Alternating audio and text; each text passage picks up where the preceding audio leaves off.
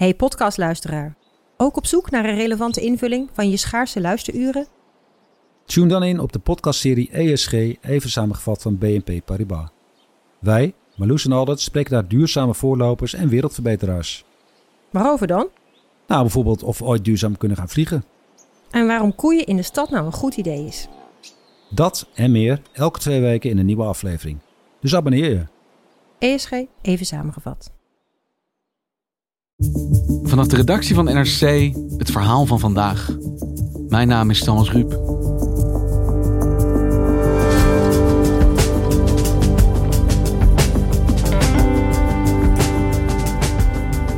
Al jaren wordt er over China gepraat als opkomende macht. China wordt, gaat, zal. Maar de realiteit is, het is al zover. Van technologie tot infrastructuur, van de Poolcirkel tot aan de ruimte. Op elk denkbaar vlak is de invloed van China de afgelopen decennia gegroeid. De wereld kan niet om China heen. Maar wat wil China met de wereld?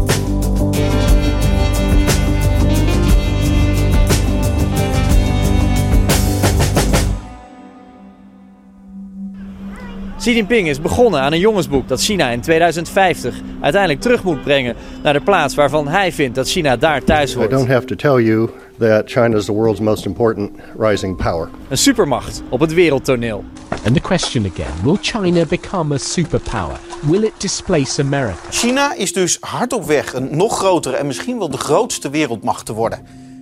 Als het over China gaat, gebruiken mensen heel vaak het woord opkomend. Het ging heel lang over de opkomende economie en nu over de opkomende wereldmacht. En eigenlijk komen we tot de conclusie dat dat een- toch een achterhaalde stelling is. Want China is er al. China is al een wereldmacht. Hanneke Chinafo is buitenlandredacteur en deed samen met Michel Kerris onderzoek naar de macht van China.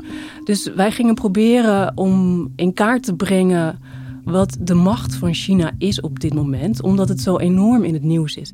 En het is natuurlijk ook ondoenlijk en het is natuurlijk ook onmeetbaar macht. Hè? Er is geen eh, machtometer. Maar als je het heel simpel houdt dan, en macht definieert als de mate waarin je eh, zelf niet afhankelijk bent van anderen en anderen wel afhankelijk van jou kunt maken, dan moet je concluderen dat China gewoon heel ver is. En terwijl het Westen de afgelopen twintig jaar heel druk was met de strijd tegen terreur en de financiële crisis, China in die tijd gewoon zo hard aan de weg heeft getimmerd, dat je nu ziet dat zonder dat wij het echt door hadden, een heel groot, sterk, niet-democratisch land langs zij is geschoven. En dat we een manier moeten vinden om ons daartoe te verhouden. En als we dan gaan beginnen met het deconstrueren van de macht van China, waar beginnen we dan? Nou ja, kijk, de macht van China is voortgekomen uit die ontzagwekkende economische groei die zij hebben doorgemaakt. Dat begon natuurlijk al eh, enkele decennia geleden.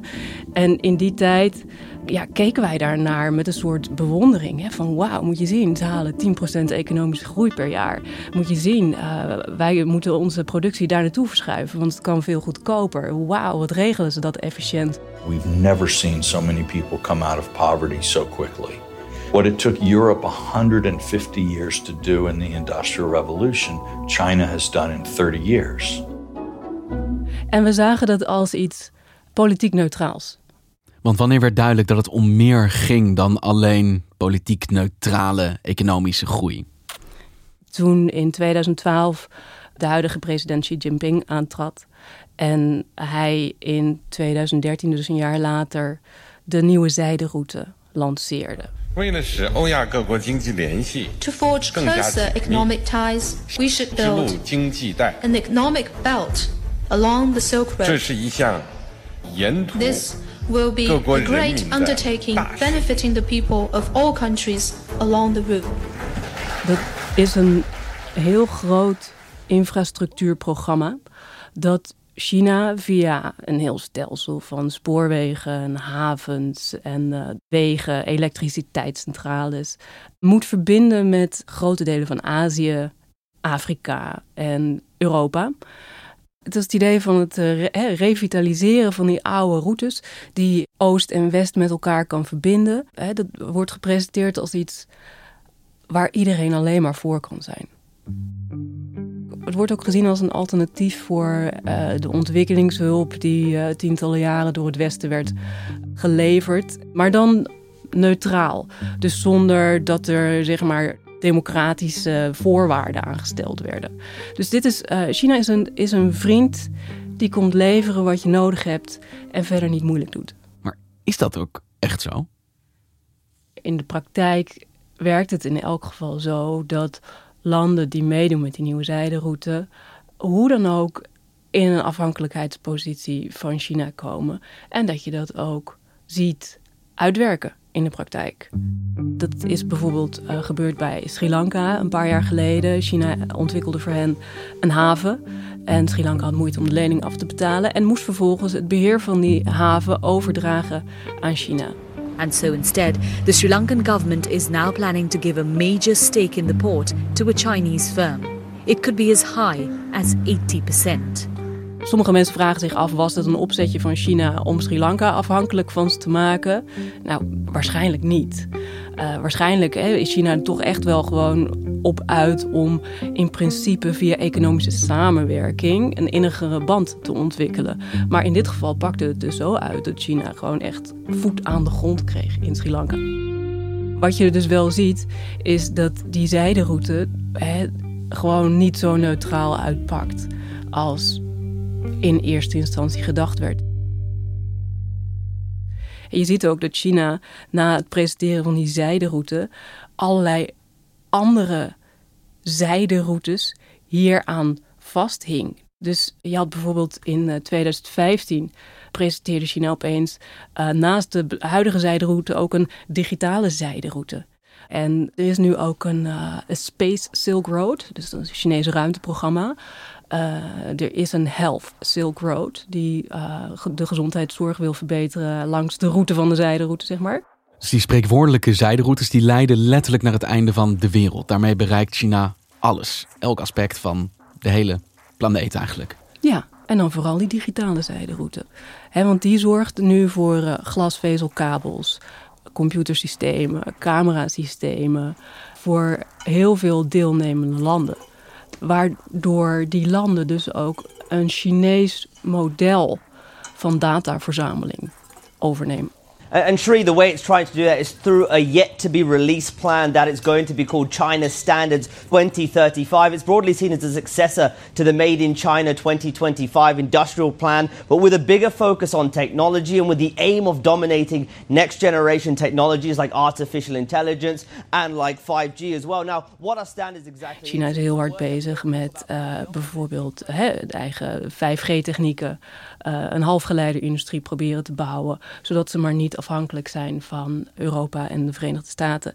Je ziet het ook in de aanleg van uh, hun eigen satellietnavigatienetwerk. Afgelopen juni was dat opeens af. En daardoor zijn zij onafhankelijk geworden van het Amerikaanse GPS-systeem. En wat China doet met dat systeem, is dat natuurlijk aanbieden aan al die landen langs die zijderoute. Dus je ziet dat China ja, economische, technologische wegen invloed in heel veel landen vergaart.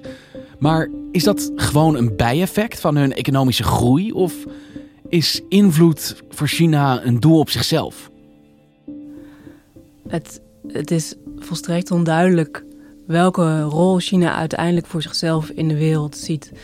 ze willen op technologisch terrein een wereldmacht zijn. Maar de vraag is of ze ook zeg maar in politieke zin de wereldmacht willen zijn. Uh, je ziet wel dat ze in de Verenigde Naties heel hard bezig zijn om hun positie zo groot mogelijk te maken. Ze geven heel veel geld.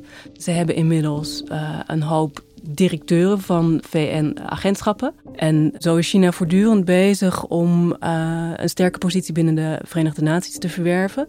En op het moment dat het in de Veiligheidsraad over China gaat, mhm. dan uh, moet de rol van de Verenigde Naties vooral zo klein mogelijk zijn. Dus dan is China degene die onderzoeken en ingrijpen blokkeert.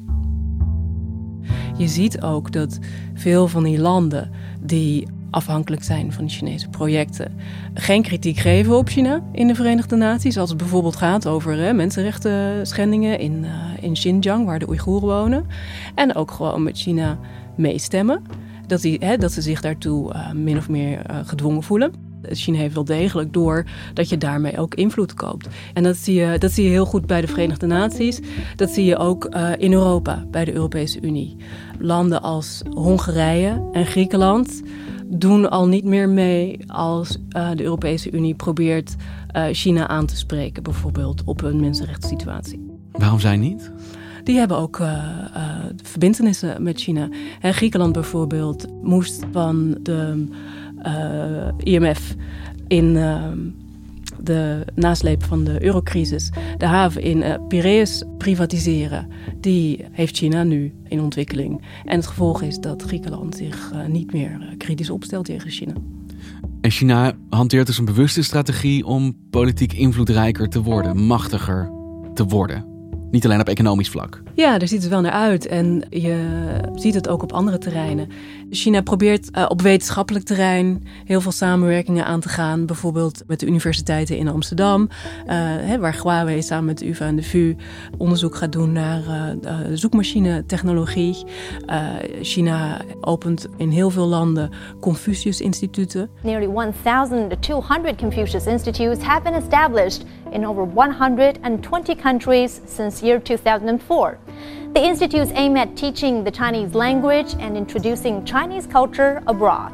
Zo probeert China op allerlei terreinen uh, de banden aan te halen en zichzelf uit te leggen. En toch zijn alle voorbeelden die jij beschrijft van de groeiende macht van China in de wereld. Voorbeelden van wat ik, als ik mijn school goed herinner, soft power zou noemen. Het gaat om economie, handel, afhankelijkheid. Maar hoe zit het met hard power, de klassieke manier om macht te meten? Militair vertoon, onverslaanbaarheid. Hoe ontwikkelt China zich op dat vlak? China is heel hard aan het investeren in zijn krijgsmacht. Ze zijn op dit moment uh, qua defensieuitgaven na de Amerikanen de tweede. Al zijn hun uitgaven nog wel veel kleiner dan die van de Amerikanen. Hun uitgaven groeien wel heel hard. En uh, je ziet dus dat ze in rap tempo nieuwe wapens ontwikkelen. En ook wapens die uh, een enorme rijkwijde hebben. Dus uh, ze hebben lange afstandsraketten die uh, Europees grondgebied kunnen treffen. En dus ook Amerikaans grondgebied. Uh, ze hebben inmiddels twee vliegdekschepen, bouwen aan een derde. Ze zijn bezig met onderwater drones. En welk doel zit daar achter? Wat beschouwen ze als ja, de rol van die militaire macht? Uh, je ziet uh, ze dat ook allemaal al toepassen in de Zuid-Chinese Zee. Hè, China claimt het grootste deel van die zee, terwijl het toch internationale uitspraken zijn die, dat dat anders moet. Je ziet heel sterk dat China dat toch als een achtertuin ervaart. En dat ze door zelf daar meer ruimte in te nemen, de Amerikanen verder terug willen duwen de grote oceaan op. Het is van blijf alsjeblieft uit mijn buurt. Dit is mijn invloedssfeer. Want zit er een gedachte achter, dit is militaire kracht die we misschien ook ooit moeten gaan gebruiken?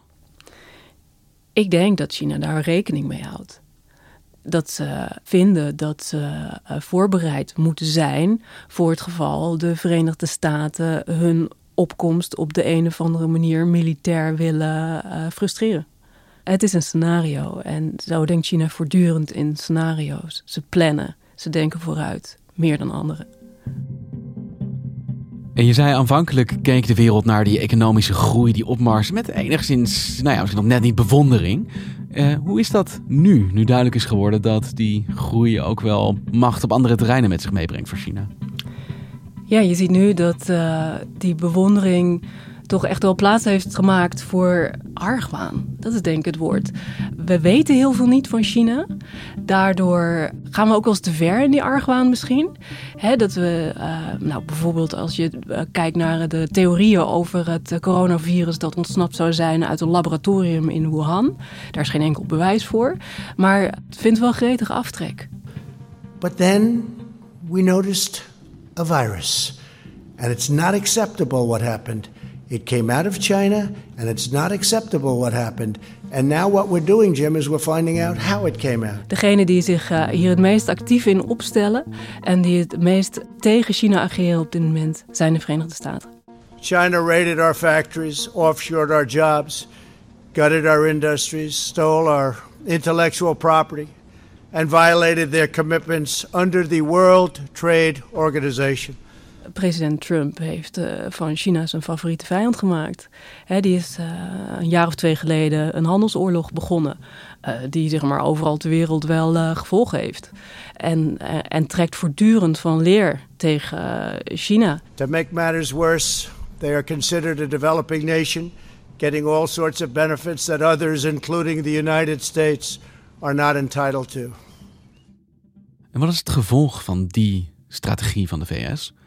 Om te zeggen, wij gaan proberen hier het eigenlijk gewoon te stoppen, deze opmars? Nee, je ziet de afgelopen tijd heel duidelijk twee invloedssferen ontstaan.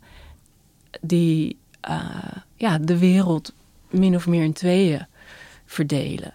je hebt aan de ene kant de Chinese invloedssfeer, dus vooral ook voor die landen die meedoen met die nieuwe zijderoute, waarin democratie uh, niet het belangrijkste is, en een westerse, liberale, democratische invloedssfeer, waarin de Amerikanen nog steeds uh, de belangrijkste stem hebben. En uh, ja, de ontkoppeling, zoals dat wordt genoemd, begint vorm te krijgen. So when you mention the word decouple, it's, uh, it's an interesting word. So we lose billions of dollars, and if we didn't do business with them, we wouldn't lose billions of dollars. It's called decoupling, so you'll start thinking. Ontkoppeling? Ja, het is de, de term die uh, wordt gebruikt voor het uit elkaar drijven van China en Amerika en in hun kielzog dus um, grote delen van de rest van de wereld. Je ziet het bijvoorbeeld bij uh, 5G, het internet. He, Huawei is de partij die dat het beste kan aanleggen. Uh, maar de Amerikanen zetten hun bondgenoten hard onder druk om daar niet aan mee te doen, omdat ze bang zijn dat uh, de, de Chinese staat geholpen wordt via, via 5G-netwerk. Dus um, Europa zit nu in een positie waarin ze onder druk staan om vooral niet die partij die dat heel goedkoop en heel goed kan en snel, om die vooral te weren. Dus dan krijg je dat ons 5G in theorie um, uh, duurder wordt en later komt, omdat de Amerikanen dat van ons verlangen. Elk bedrijf dat zaken doet met China moet bedenken hoe dat nu moet. Elke technologieontwikkelaar. He, wie, wie, wie, zijn mijn klanten? Wie zijn mijn leveranciers? Kies ik voor uh, een sterke band met Chinese bedrijven? Of kies ik voor een sterke band met Westerse bedrijven? Het idee van uh, de globalisering was juist dat ieder doet waar hij het beste in is. En dat we daarna alles wel weer over de hele wereld vervoeren. Maar dat, dat we zo met z'n allen het verst zouden komen. Is dat de wereld waar we met z'n allen naartoe gaan? Dat een steeds sterker China en een steeds hardere reactie van de VS erop ertoe leidt dat eigenlijk elk land, elk bedrijf misschien wel moet gaan kiezen: zit ik in blokje Amerika of blokje China? Nou, dat is, op dat punt staan we nu. Dat we ons afvragen of dat ook echt door gaat zetten. Europa probeert heel hard bijvoorbeeld een eigen koers te varen. Hè, om geen van de partijen echt van zich te vervreemden. En zit Europa er dan gewoon tussenin, tussen die twee botsende blokken? Of ontwaar jij wel iets van een strategie? Dat is moeilijk, want we zijn natuurlijk met uh, 27 landen. Uh, waarin een aantal landen natuurlijk ook gewoon een vrij sterke band met China heeft opgebouwd. Maar je ziet wel dat Europa uh, toch ook zich af en toe opstelt tegen China. In van de zomer bijvoorbeeld, toen duidelijk werd dat de Europese economie echt hele zware klappen kreeg van de coronapandemie, is bedacht dat Europa regels moest opstellen om ehm, bedrijven die Europese bedrijven willen overnemen, dus bedrijven van buiten Europa, te screenen op uh, het ontvangen van staatssteun. En dat, hè, daarin wordt China niet genoemd, maar dat gaat over Chinese bedrijven die met hulp van de Chinese staat de afgelopen decennia natuurlijk heel veel bedrijven in Europa hebben opgekocht. Dus daar zie je dat, dat er toch wel stappen gezet worden, maar het zijn allemaal van die deelterreinen. En hoe het er waarschijnlijk uit gaat zien, is dat Europa bij al die deelterreinen die we de komende tijd uh, voor ons kiezen krijgen, steeds opnieuw positie moet bepalen en moet zoeken naar wat nou de juiste verhouding is ten aanzien van China en de VS. En dat antwoord hebben we nog niet. Nee, maar we hebben wel haast om het te formuleren. We, uh, ja, we breken ons er het hoofd over. Dankjewel, Hanneke. Graag gedaan. Je luisterde naar vandaag, een podcast van NRC. Eén verhaal, elke dag. Dit was vandaag, maandag weer.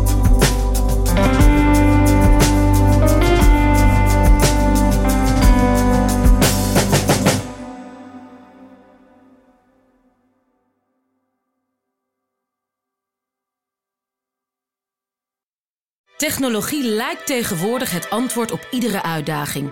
Bij PwC zien we dit anders. Als we de potentie van technologie willen benutten, kunnen we niet zonder een menselijk perspectief. Human-led, tech-powered noemen we dat. Ga naar pwc.nl.